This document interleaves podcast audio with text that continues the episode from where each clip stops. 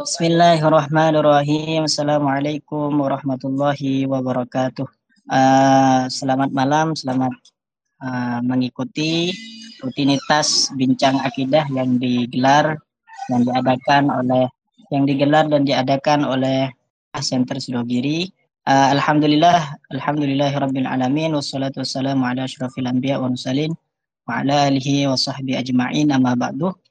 Uh, baik kawan-kawan Space Twitter pada malam hari ini kita akan membahas tema yang cukup menarik yaitu tentang klaim Al-Quran terkait tahrif, distorsi dalam Injil dan Taurat.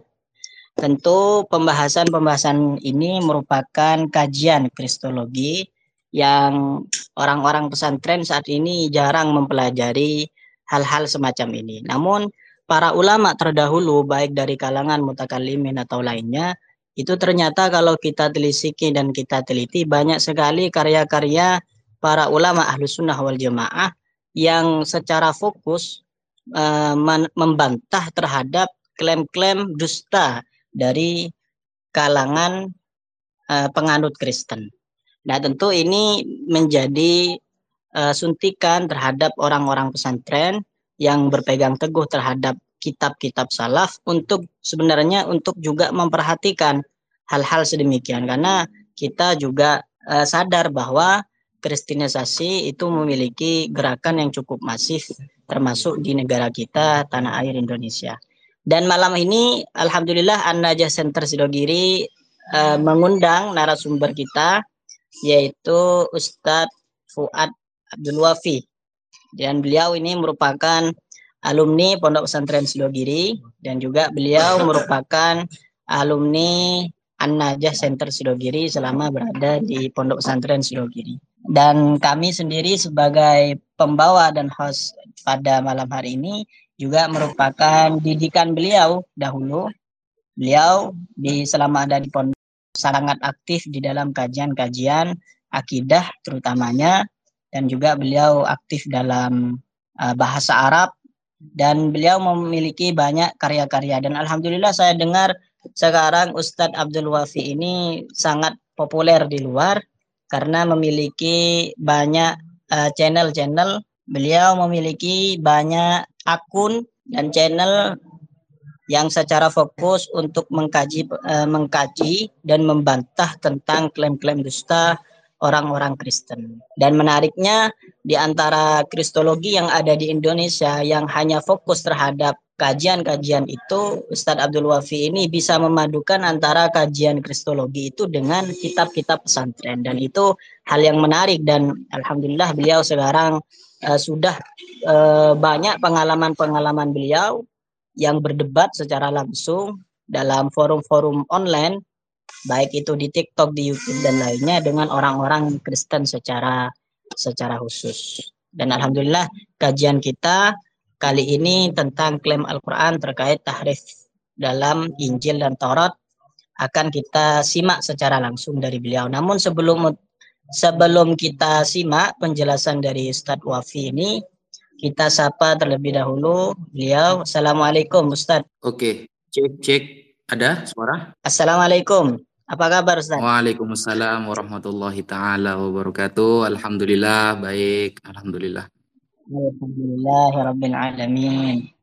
Uh, Alhamdulillah uh, pada kali ini mungkin untuk menunggu peserta-peserta yang lain sebelum memasuki pertanyaan-pertanyaan mungkin saya ingin bertanya Ustaz bagaimana pengalaman antum uh, saya tahu bahwa antum ini selama ada di pondok pesantren setahu kami tidak terlalu banyak mengkaji tentang uh, pemahaman-pemahaman Kristen. Tapi ketika berada di luar ini ternyata sampai mengkaji itu dan bisa dianggap sangat masif seperti itu dalam kajian ini. Bagaimana perjalanan cerita tentang itu?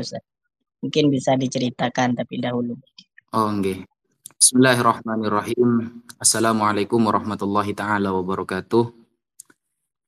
Alhamdulillah wassalatu wassalamu ala Rasulillah Sayyidina Muhammad ibn Abdullah wa ala alihi wa sahbihi wa man wala amma ba'd.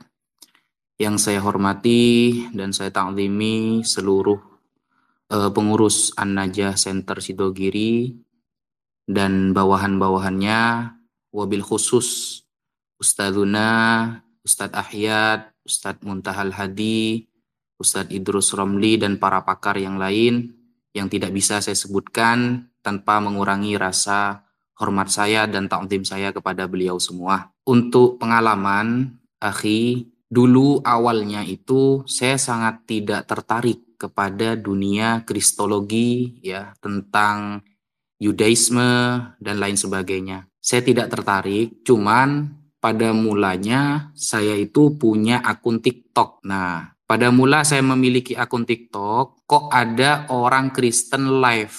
Dia mengadakan live membahas Al-Quran dan hadis dan penontonnya ribuan. Dia membahas hadis, membahas kiro asabah, membahas uh, ilmu riwayah, dirayah, dan lain sebagainya. Loh, ini orang Kristen kok bahas hadis? Akhirnya saya mendengarkan bahwa mereka meyakini banyak terjadi tahrif di dalam Al-Quran. Kemudian hadis-hadis yang mengindikasikan bahwa Yesus adalah Tuhan. Itu mereka menggunakan hadis. Sekarang mereka menggunakan Al-Quran dan hadis untuk membenarkan ketuhanan versi mereka. Jadi mereka sudah tidak tidak menggunakan the Bible atau Alkitab kata mereka, perjanjian baru ataupun perjanjian lama. Mereka sudah menggunakan Al-Quran dan hadis. Mereka belajar ilmu hadis. Mereka belajar manhajut tafsir, baik tafsir bil ra'i, bil ma'thur, silsilatut tarikh, khulafa rasyidin, dan lain sebagainya. Saya kaget, loh ini kok orang Kristen membahas Islam sedalam seperti itu. Akhirnya dengan menonton live-live mereka di TikTok dan ternyata mereka banyak terstruktur dan apa yang mereka sampaikan itu e, sama. Contoh satu malam ada lima live, ada orang lima yang live di TikTok. Mereka temanya sama tentang Al-Quran yang dimakan kambing hilang, oleh Sayyidah Aisyah tentang ayat-ayat persusuan dan lain sebagainya. Nah, sehingga itu yang membuat saya, wah ini saya harus bisa menjawab ini. Pada mulanya saya tidak berani untuk menjawab karena takut blunder. Takutnya jawaban saya justru membuat saya kalah dalam perdiskusian. Mau tidak mau, itu adalah keimanan saya, dan saya harus bertanggung jawab menguatkan keimanan saya, salah satunya dengan cara belajar. Akhirnya, dalam waktu satu bulan, saya dalami dulu, saya catat pertanyaan mereka semua, ayat Al-Quran, hadis, dan lain sebagainya yang mereka bawa. Bahkan e, tarikh ya, tarikh yang ditulis oleh Imam Sofiur Rahman Al-Mubarak Furi. Mereka itu punya kitabnya. Mereka baca itu.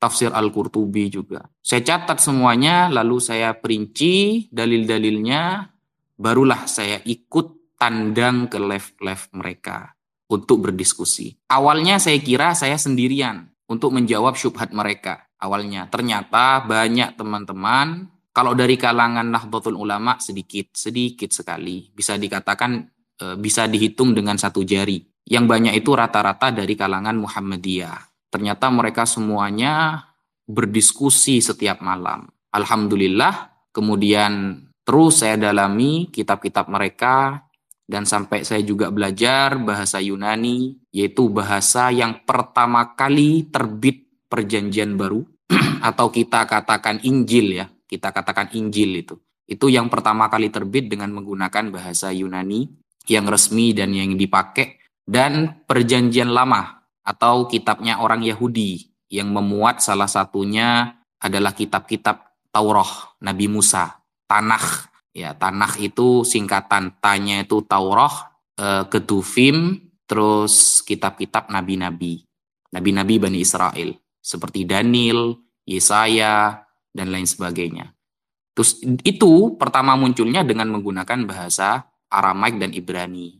Itu akhirnya saya belajar. Belajar bahasa itu ke beberapa orang yang ahli sehingga faham original teks apa maksud dari kitab mereka. Barulah saya istiqomah untuk terus berdiskusi, terus berdiskusi apa yang mereka tanyakan saya jawab dan memang saya yakin bahwa para ulama telah menulis bahkan para ulama tuh sudah meneliti semua pertanyaan mereka itu ternyata ada sudah ditulis oleh para ulama kita salah satunya seperti kitab Ilharul Haq yang ditulis oleh salah satu ulama India ya.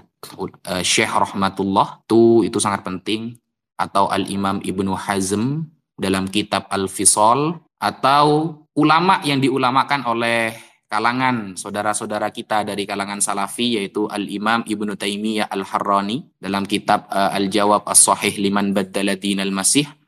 Atau kitab Al-Imam Al-Ghazali yang berjudul Ar-Raddul Jamil li Ilahiyati Isa bi Injil atau Ibnul Qayyim Al-Jauziyah dan lain sebagainya. Banyak sekali. Itu saya pelajari semua. Saya pelajari inti-intinya apa yang sering mereka tanyakan. Ya akhirnya seperti itu pengalamannya. Mungkin pengalaman singkatnya seperti itu. Ustaz. Ya, terima kasih. Ini pengalaman yang sangat luar biasa dan ini cukup menginspirasi kalangan muda generasi selanjutnya ini agar juga bisa terjun terhadap dunia kristologi karena kita juga sadar bahwa kristenisasi terutama di dunia maya terutamanya di TikTok itu memang terbilang masif seperti itu sehingga agar pemahaman Islam yang utuh dan benar dan yang seperti yang dipahami oleh para ulama salaf itu bisa terangkat dan bisa menjawab sesuai eh, apa untuk menjawab subhat-subhat mereka memang menurut kami yang mengisi dunia kristologi ini memang harus dari kalangan santri dan uh, alhamdulillah begitu menginspirasi dari cerita apa yang sudah diceritakan barusan oleh Ustaz Abdul. Oke, okay. uh, eh, baik untuk uh, selanjutnya mungkin langsung saja karena waktunya terbatas. Uh, kami ingin memasuki tema kajian pada malam hari ini yaitu tentang klaim Al-Quran, bagaimana Al-Quran itu mengklaim bahwa di dalam Injil dan Taurat itu sudah mengalami tahrif, mengalami distorsi dari tangan tangan orang Yahudi dan Nasrani sendiri. Uh, baik yang kami tanyakan Ustaz di sini adalah ketika Al-Qur'an itu mengklaim bahwa dalam kitab yang Allah turunkan seperti Injil, Zabur, dan Taurat itu terdapat tahrif, sudah diotak-atik oleh tangan orang-orang umat terdahulu. Apakah benar hal itu bisa dibuktikan? mungkin minimal mungkin satu bukti saja tahrif dari Injil, satu dari Taurat dan satu dari Zabur. Mungkin pertanyaannya itu silahkan kepada yang terhormat Ustadz Abdul Wafi untuk menjawabnya. Oke, Bismillahirrahmanirrahim. Untuk membuktikan itu, ketika kita sudah belajar lintas agama, baik kitab-kitab Nabi Musa atau kita katakan keluaran, kitab bilangan, ya, kemudian mengenai imam-imam Lewi dari kalangan anak ya, anak dari Nabi Yakub. Itu ada imamat namanya, itu di perjanjian lama. Kalau Taurat, kalau dikatakan apakah ada yang tertahrif, itu sangat banyak sekali. Kalau kita buktikan satu saja mengenai tahrif yang terjadi, kita bisa melihat bahwa original teks yang tersebar pada masa dulu itu menggunakan dua bahasa. Yang pertama namanya Septuagint. Septuagint ini merupakan manuskrip yang awal-awal. Awal-awal karena begini, eh, penulisan itu tidak seperti zaman sekarang dahulu itu. Sehingga orang-orang Yahudi meyakini ketika Nabi Musa mendapatkan Taurat dari Allah Subhanahu wa taala di Gunung Sinai atau kita katakan Tursina ya itu juga beliau mendapatkan tafsirannya. Nah ini, ini sudah takrif sebenarnya. Kita tidak meyakini bahwa Nabi Musa mendapat, mendapatkan Taurat itu plus tafsirnya, tidak ada. Keterangan itu tidak ada. Makanya kalau kita melihat di dalam misnah, misnah Torah, misnah Torah ini penafsiran kitab Taurat, orang Yahudi ini meyakini bahwa ketika Nabi Musa mendapatkan Taurat di Gunung Sinai, beliau juga mendapatkan yang namanya misnah, tafsirannya dari Allah. Nah, dari itulah mulai banyak penyelewengan tentang ayat-ayat yang sebenarnya A lalu dikatakan B. Contoh, di dalam misnah itu tertulis, misnah ini dibagi nanti ya, ada istilahnya gemara. Gemara ini adalah kalau kata kita itu ikhtilaful fuqaha bainahum. Itu ikhtilaful fuqaha bainahum itu namanya kitab gemara. Mereka mengatakan bahwa orang di luar Yahudi itu dilahirkan dari air mani yang najis. Jadi kita semua ini dikatakan najis oleh orang Yahudi. Itu tertulis. Sejak dahulu itu sudah tertulis tafsiran dari Taurat itu, gitu. Dan contoh lagi tentang Nabi Lut. Nabi Lut yang kita imani sebagai nabi yang maksum, itu menurut pemahaman Yahudi, beliau itu sudah pernah berzina dengan dua putrinya. Ketika beliau disuruh oleh Allah untuk meninggalkan desanya, karena di desanya sudah banyak terjadi, kalau kita katakan sekarang bahasanya seperti LGBT ya, itu beliau keluar dari desanya, dan ternyata beliau melakukan perzinahan dengan dua putrinya. Ya, itu juga dijelaskan oleh Al Imam Fakhruddin Ar-Razi, juga dijawab oleh beliau tuduhan itu di dalam Torah itu bahwa itu adalah bentuk tahrif dari mereka di dalam kitabnya yang bernama Ismatul Ambiya. Jadi Imam Fakhruddin Ar-Razi ini punya kitab namanya Ismatul Ambiya.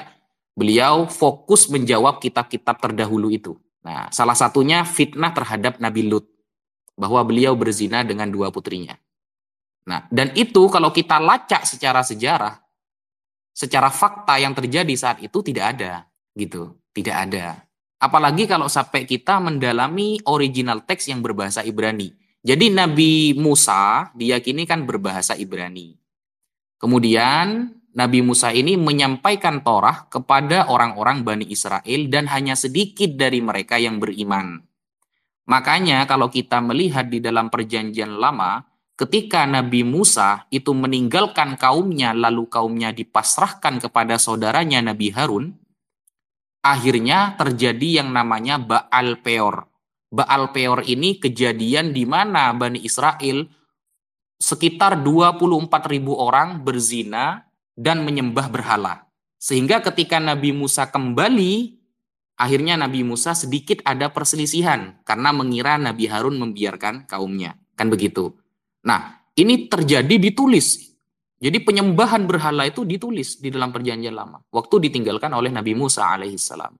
Dan di saat itulah mulai banyak tahrif-tahrif yang terjadi. Itu Taurat. Taurat banyak sekali. Jadi setiap ayat itu diyakini oleh orang-orang para rabi. Kalau kita kiai, kalau orang Kristen pendeta, kalau Yahudi itu rabi istilahnya. Jadi para rabi ini meyakini bahwa Nabi Musa ini juga mendapatkan tafsirannya ketika mendapatkan Taurat di Gunung Sinai. Padahal itu tidak pernah ada. Kalau kita lacak itu memang itu keimanan yang mereka buat-buat. Itu itu Taurat.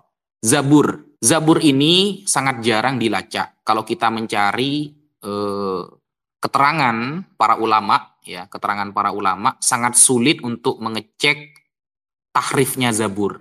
Caranya untuk mengecek itu memang harus menggunakan original teks dalam kitab mereka yang berbahasa Ibrani. Caranya seperti itu. Nah, itu terjadi contohnya seperti kalau di dalam bahasa Bible itu Mazmur.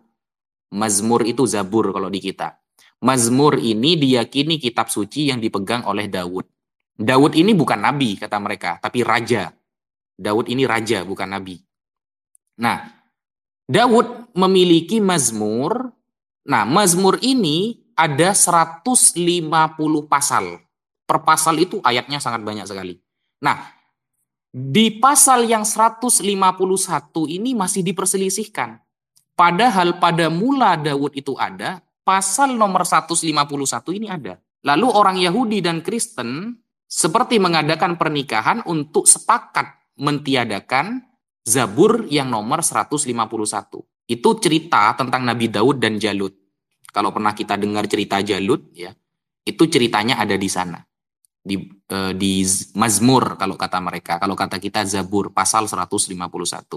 Dan Zabur ini memang tidak menerangkan tentang hukum karena saat itu Nabi Daud masih mengikuti syariat Nabi Musa alaihissalam.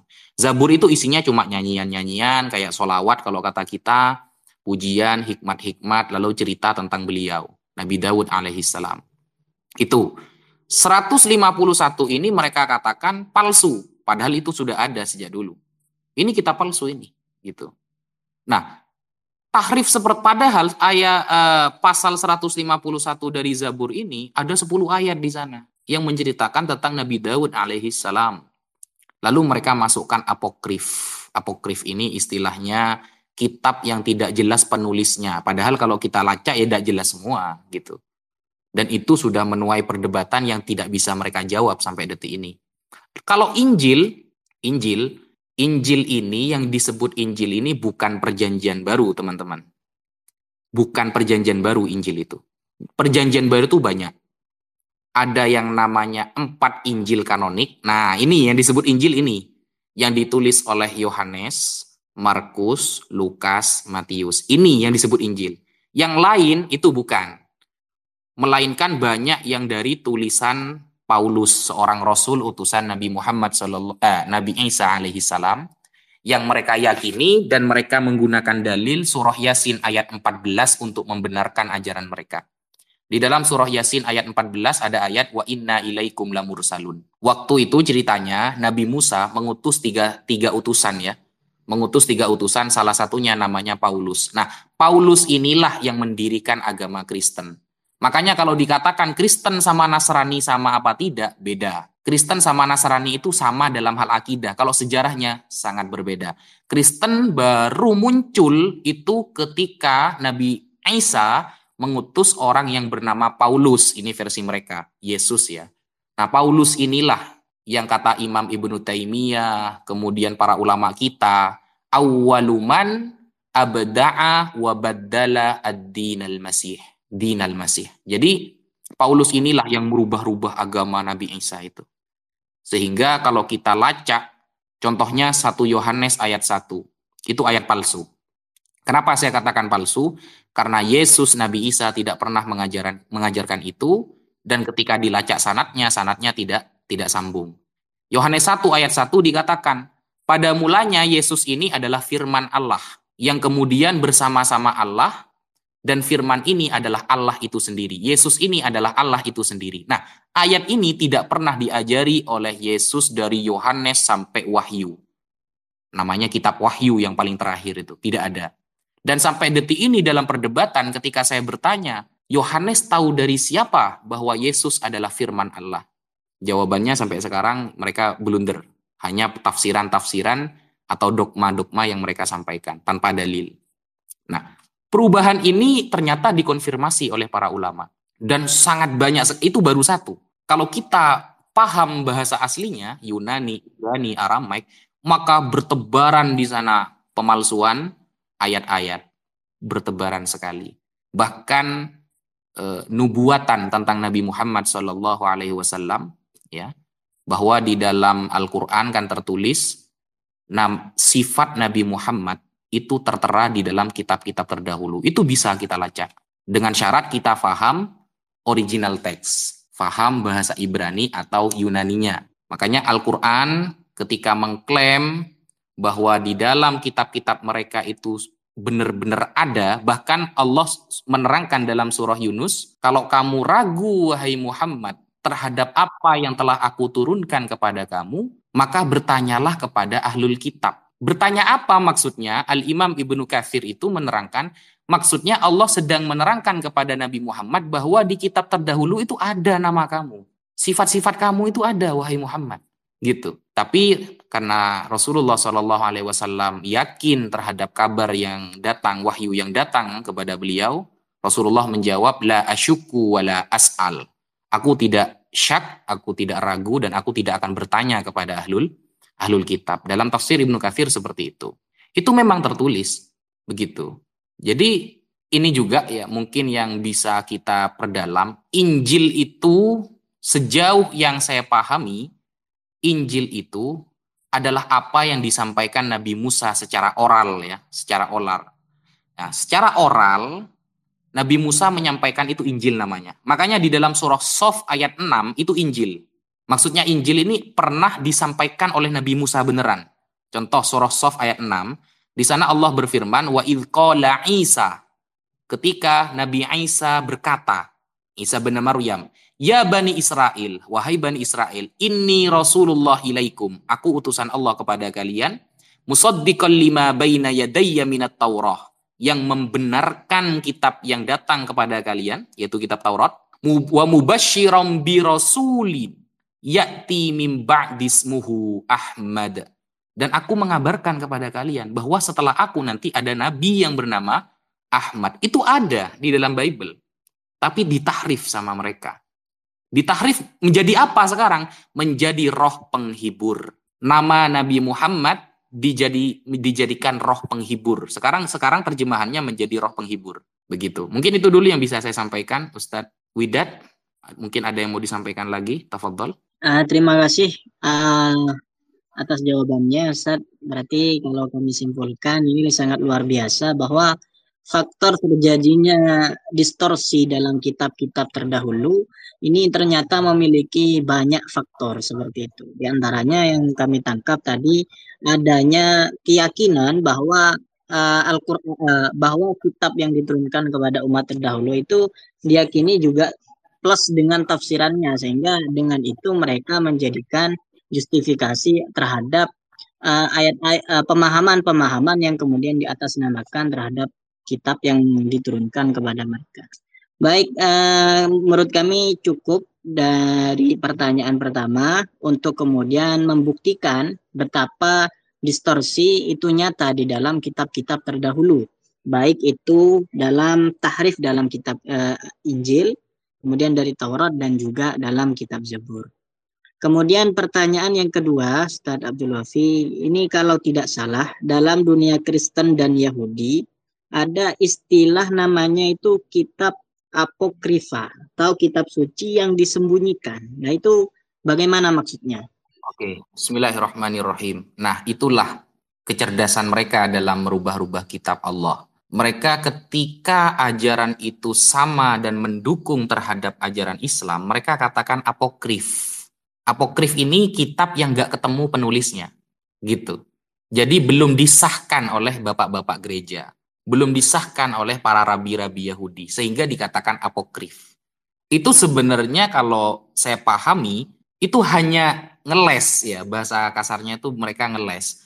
Karena terbukti memang terbukti ketika di dalam Injil Bernaba, Injilu Bernaba atau kita katakan Bernabas, di sana tertulis tentang nubuatan Nabi Muhammad secara jelas.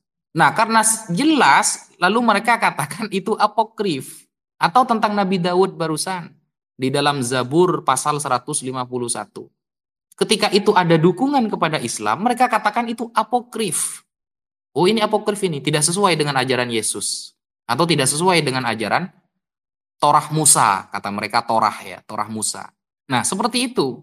Apokrif ini kitab yang memang disembunyikan dan itu ada. Dan itu tidak dipakai oleh mereka karena memang secara jelas, secara makna tertulis itu mendukung sekali terhadap Islam.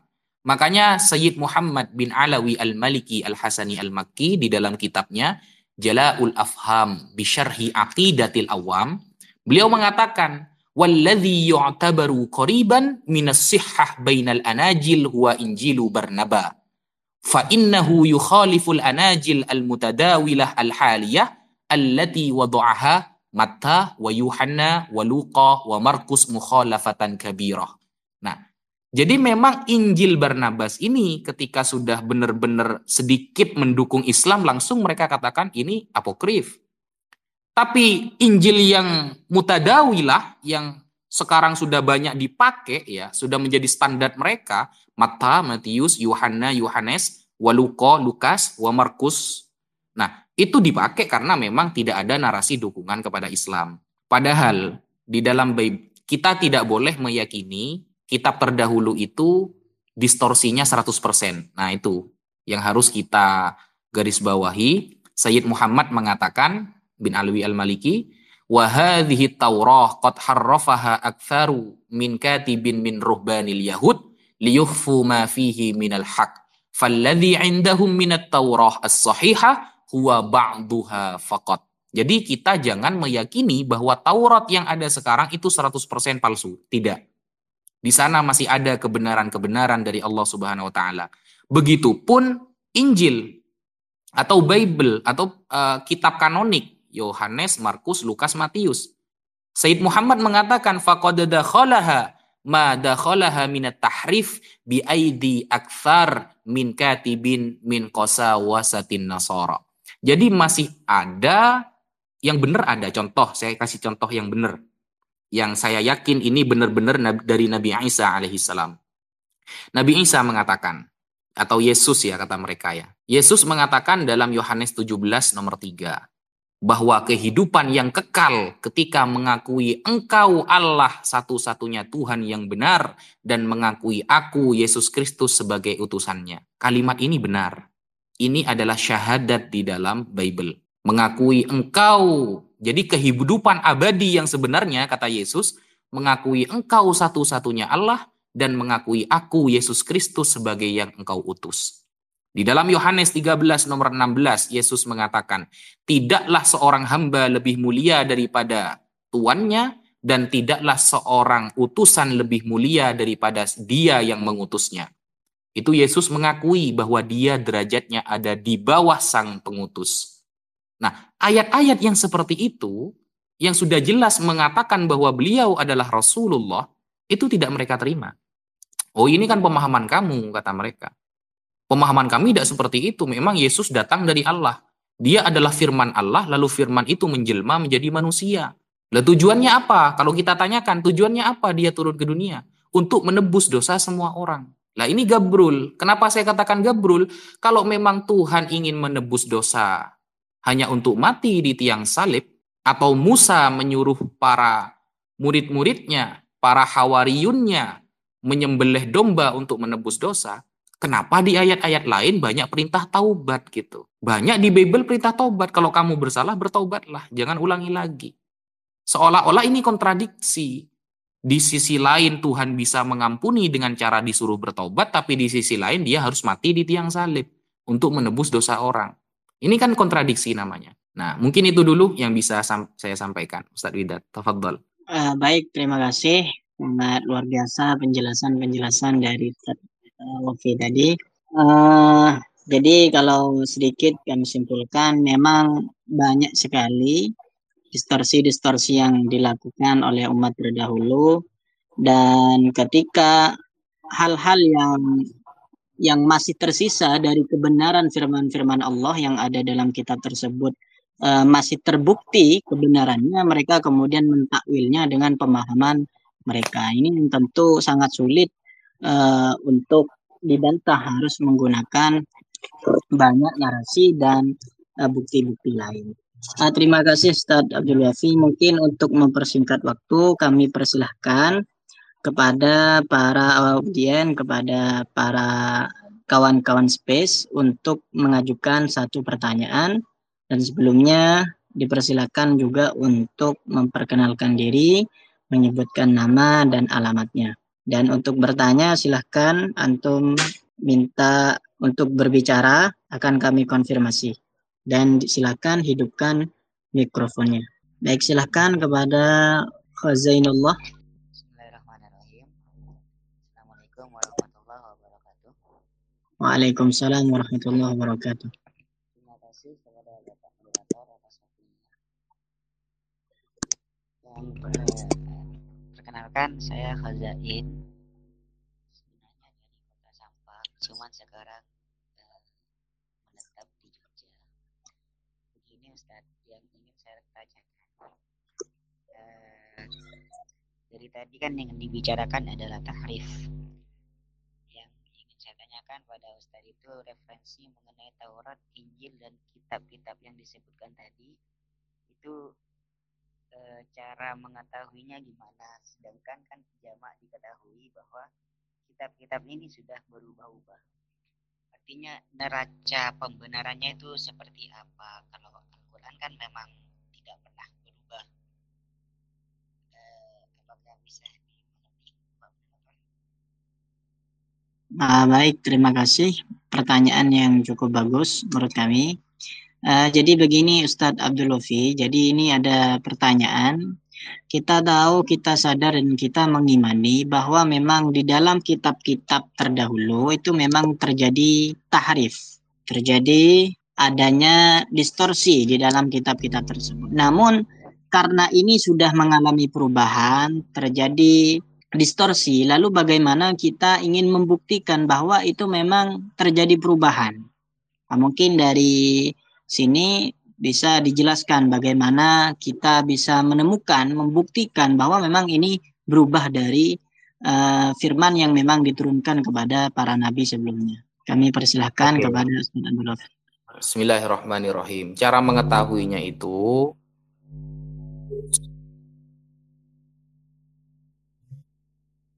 Aramaik dulu pertama. Karena itu adalah bahasa asli judulnya kitab Taurat, Zabur, Mazmur kata mereka. Taurat itu Torah atau Injil. Nah, ketika kita faham nanti antara manuskrip-manuskrip ini akan kita banyak temukan ya. Ini karena di Twitter ya, kalau di Zoom saya bisa menunjukkan bahwa ayat ini awalnya ada lalu tidak ada. Lalu ada keterangan bahwa ayat ini awalnya itu tidak ada. Kemudian ada sampai penafsirnya bilang begini, kiranya ayat ini merupakan sisipan di dalam manuskrip catatan para murid Yesus lalu kemudian pada tahun selanjutnya dijadikan ayat. Bayangkan, awalnya sisipan, catatan mungkin ya, waktu Yesus mungkin menerangkan atau Nabi Musa menerangkan, lalu dicatat mungkin ada sebagian yang mencatat. Nah, catatan ini dijadikan ayat suci sama mereka. Sampai penafsirnya jujur sampai seperti itu karena sudah gak bisa ngeles lagi gitu. Makanya sekarang ketika ada perdiskusian Kristen dan Yahudi itu ngelesnya begini sekarang ya wajar lah kitab kita ada perubahan, namanya juga ditulis oleh manusia. Nah, mereka sudah nyerah duluan seperti itu dulu sekarang.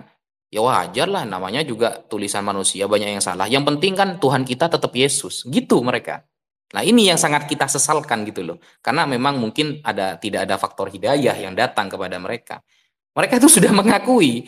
Karena di dalam catatan para tafsir, the Bible itu sampai tertulis bahwa ini awalnya sisipan lalu jadi ayat.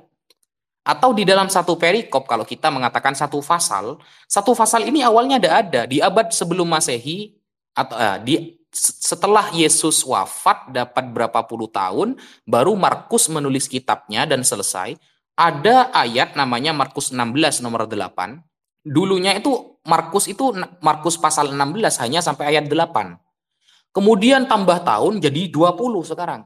Sekarang jadi 20 ayat. Nah, dari nomor 9 sampai 20 ini dapat dari mana? Karena di manuskrip yang tua itu udah ada ternyata. Gitu. Tambahan dari siapa ini? Dan itu sangat banyak sekali. Cara memahaminya harus begitu. Harus paham original teksnya dulu.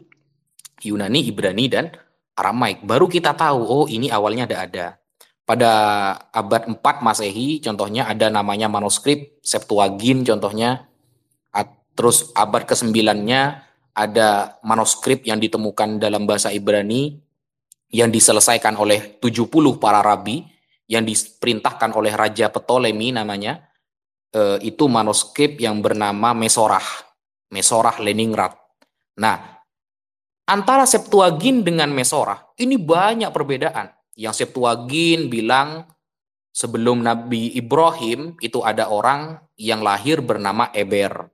Eber ini setelah lahir setelah dia umur 30 tahun contohnya. Tapi di manuskrip yang lain tertulis 300 tahun. Yang satu bilang 30, yang satu bilang 300. Yang satu dari pasal 16 cuma sampai 8, yang satu sampai 20. Itu terjadi seperti itu. Andaikan kita kajiannya di Zoom itu bisa saya tampakkan itu dari zaman ke zaman itu. Ini zaman pertama munculnya Markus, Lukas, Yohanes, Matius, kemudian Filipi, kemudian Roma dan kitab-kitab perjanjian lama. Itu ada. Mulai menambah, bertambah, bertambah, bertambah. Dan tambahan itu tidak ada di manuskrip yang awal-awal.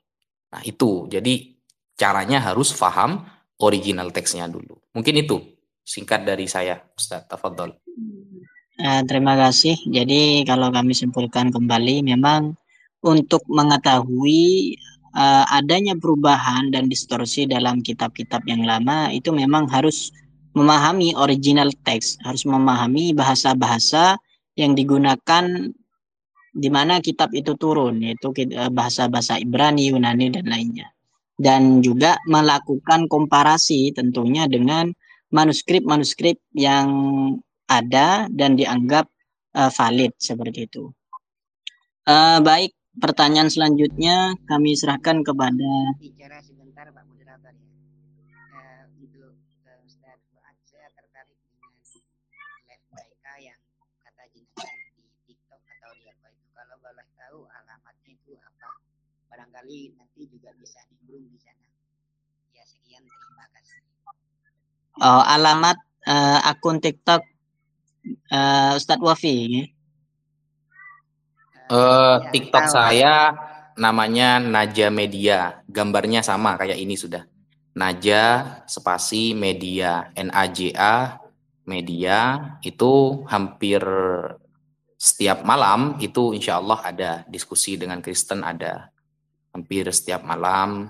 Kadang sampai uh, jam 3 pagi kadang sampai subuh juga kalau temanya kiro asap ah itu agak lama biasanya. Karena uh, saya pribadi pun dulu waktu di pesantren tidak terlalu mendalami ya kiro ashroh seperti kitab-kitab al-masahif Ibnu Abi Dawud. Nah, itu kalau tema critical text ini memang tema yang paling ditakuti orang Kristen. Makanya saya membuka tema ini karena tema ini yang paling ditakuti agama Samawi, agama Abrahamaik yang lain seperti Yahudi, Nasrani.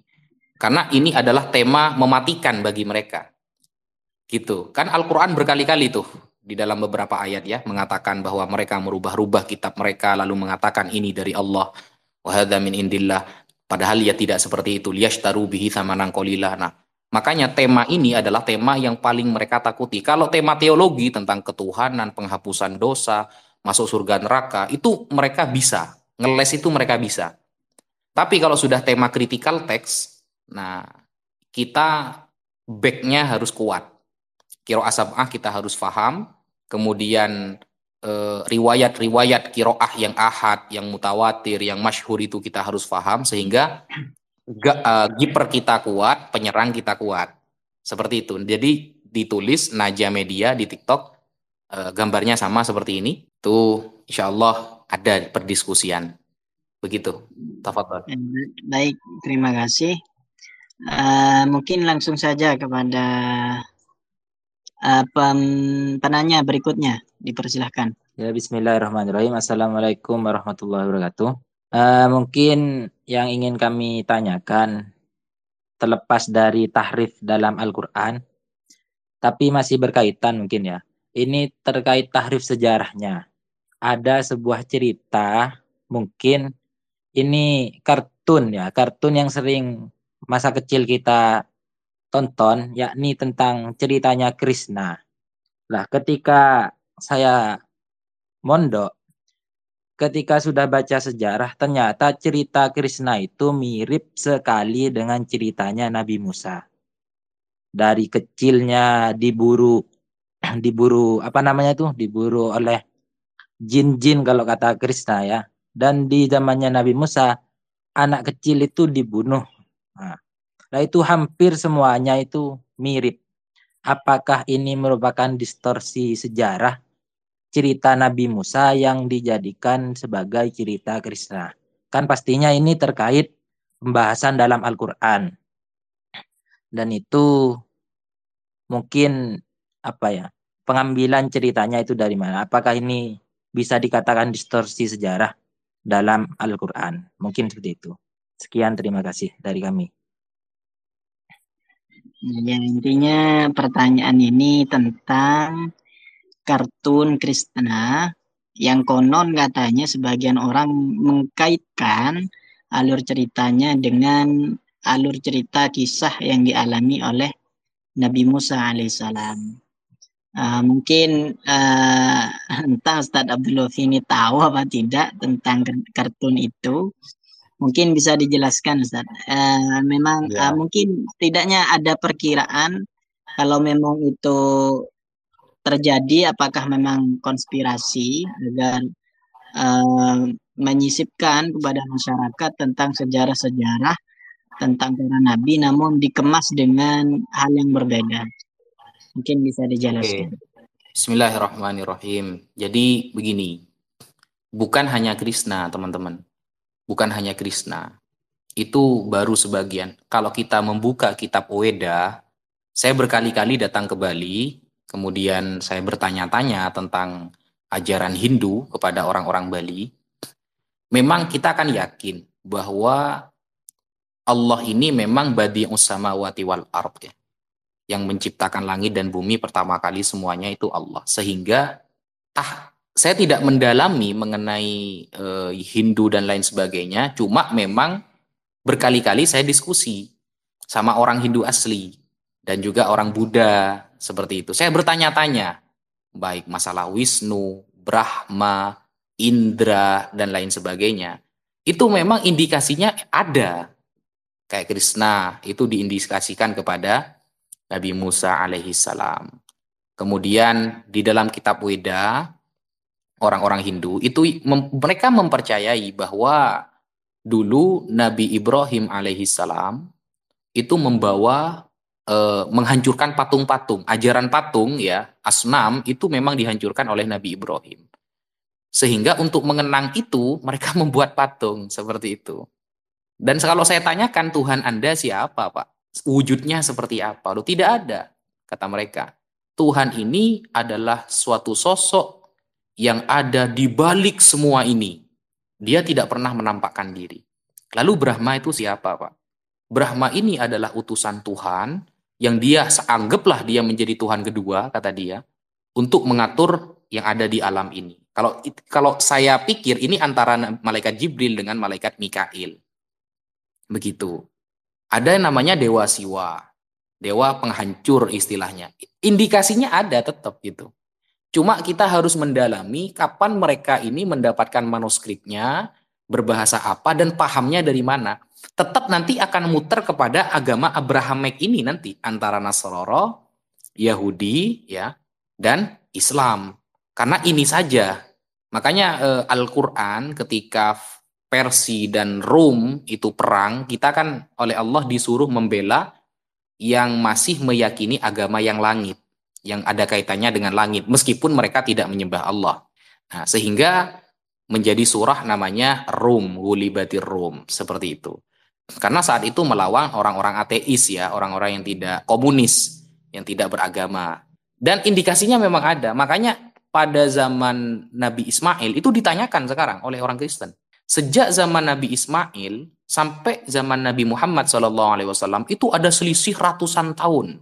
Nah, pertanyaan mereka, kalau memang orang Islam mengklaim Nabi Musa dan Nabi Isa itu diutus kepada Bani Israel, ya. Lalu bagaimana hukumnya orang-orang Arab mengikuti syariat Nabi ini? Katanya cuma diutus hanya untuk Bani Israel. Berarti kan kalangan di Palestina itu saja, sedangkan Arab jauh dari Palestina. Lalu orang Arab itu banyak yang mengikuti syariat Nabi Musa, syariat Nabi Isa. Itu ditanyakan manuskrip-manuskrip dulu dan ajaran nabi-nabi antara Nabi Ismail dan Nabi Muhammad SAW itu ditanyakan sekarang. Nah, dan di sana itulah tempat tahrif tertinggi memang antara Nabi Ismail dengan Nabi Muhammad SAW di Arab. Makanya para ulama ada yang sampai mengarang kitab yang bernama Akhbaru Mekah. Ya, cerita-cerita tentang Mekah, kemudian zaman-zaman Fatroh itu dan cerita Krishna dan sejenisnya itu indikasinya pasti, saya yakin pasti kepada agama-agama Abrahamic ini. Cuma mungkin nyampe nya ke mana-mana itu menjadi beda. Ya samalah seperti di zaman Sayyidina Utsman bin Affan ketika ada sahabat uh, Hudzaifah bin Al-Yaman datang kepada beliau lalu menyampaikan bahwa banyak orang-orang sekarang membaca Al-Quran tidak seperti dialek yang diajarkan oleh Rasulullah. Lalu Sayyidina Utsman memiliki inisiatif untuk mengumpulkan Al-Quran lalu dibakar yang tidak sesuai dengan sanad dari Rasulullah. Nah, mungkin seperti itu nantinya. Jadi semakin tersebar, semakin jauh yang diajarkan keasliannya. Begitu kira-kira jawaban dari saya. Sekian, host. Tafadhol.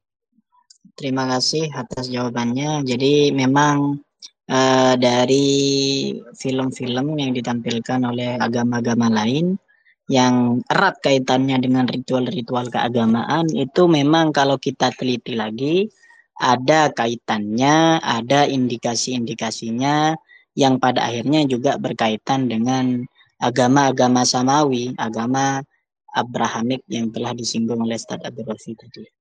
Mungkin dari sini ada penanya lain. Terakhir mungkin kalau ada, kalau tidak ada akan kami tutup. Tidak ada ya. Oke, kalau tidak ada mungkin karena waktunya sudah satu jam lebih. Hampir Eh, satu jam. sebentar, Oke. kalau ada dari kalangan teman-teman seumpama ingin menggeluti dunia lintas agama, bisa nanti bisa hubungi saya karena kenapa?